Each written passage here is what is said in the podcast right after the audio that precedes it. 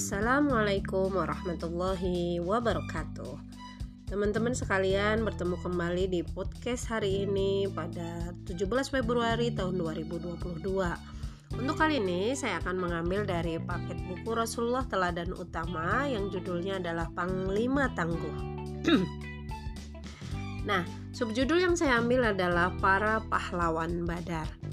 Teman-teman tahukah teman-teman siapakah Umayyah yang nantinya akan dibunuh Bilal dalam perang Badar?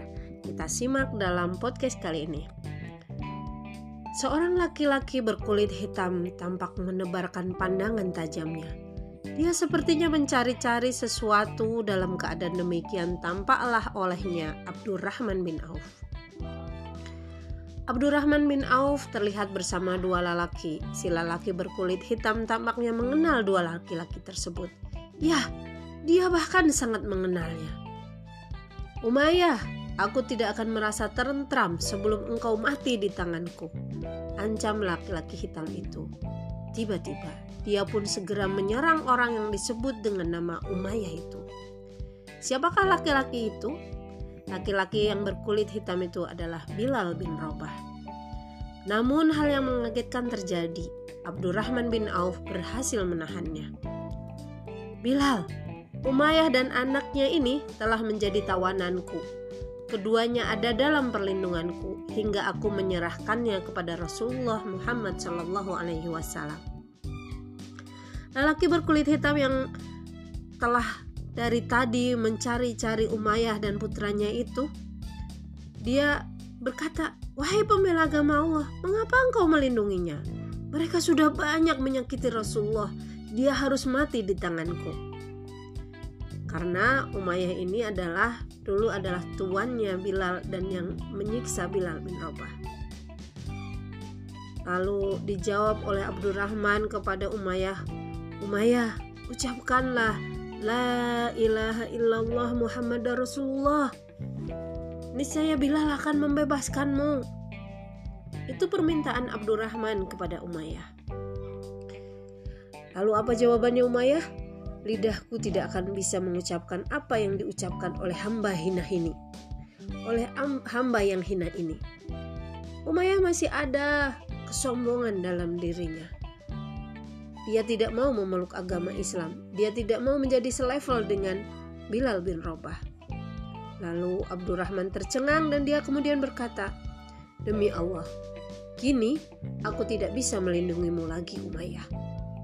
Dalam sekejap, Bilal menyerang Umayyah. Keduanya terlibat pertempuran hebat. Bilal yang bertarung penuh keimanan berhasil menewaskan Umayyah bekas tuannya itu.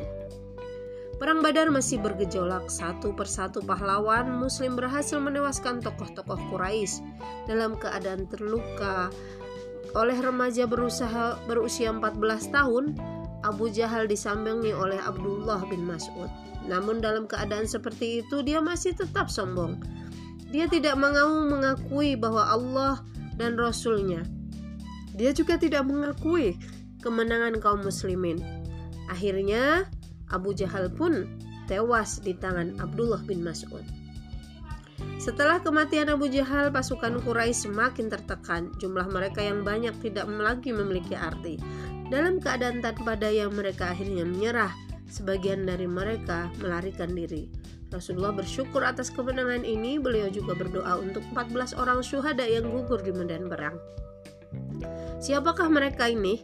14 yang syahid di medan perang Badar yaitu Ubaidah bin Al-Haris, Umair bin Abi Waqas, Zu Ashilma Zu Ashimalain bin Abdul Amar, Akil bin Al-Bukair, Mihja Safwan bin Baida, Sa'ad bin Haisamah, Mubashir bin Abdul Munzir, Yazin bin Al-Haris, Umair bin Al-Human, Rafiq bin Mu'ala, Harisah bin Suraqah bin Al-Haris, Aufa bin Afra, dan Muawais bin Afra.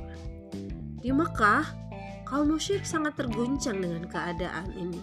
Kekalahan mereka di Perang Badar. Mereka kehilangan banyak harta, keluarga, dan para perempuan kaum musyrik ini meradang. Mereka berteriak-teriak mengumpat atas kekalahan. Dendam pun membara dalam setiap dada mereka. Akankah mereka semua terbalaskan?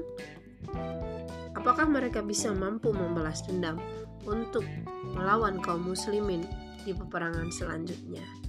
Nah, demikian hari ini. Semoga ada manfaatnya. Itulah salah satu perjuangan dari para sahabat dan juga Rasulullah di masa itu. Masya Allah di perang Badar ini 300 pasukan muslim melawan 1000 pasukan kafir Quraisy. Dan ternyata Allah memberikan kemenangan yang gemilang kepada kaum muslimin. Allahu Akbar. Terima kasih. Wassalamualaikum warahmatullahi wabarakatuh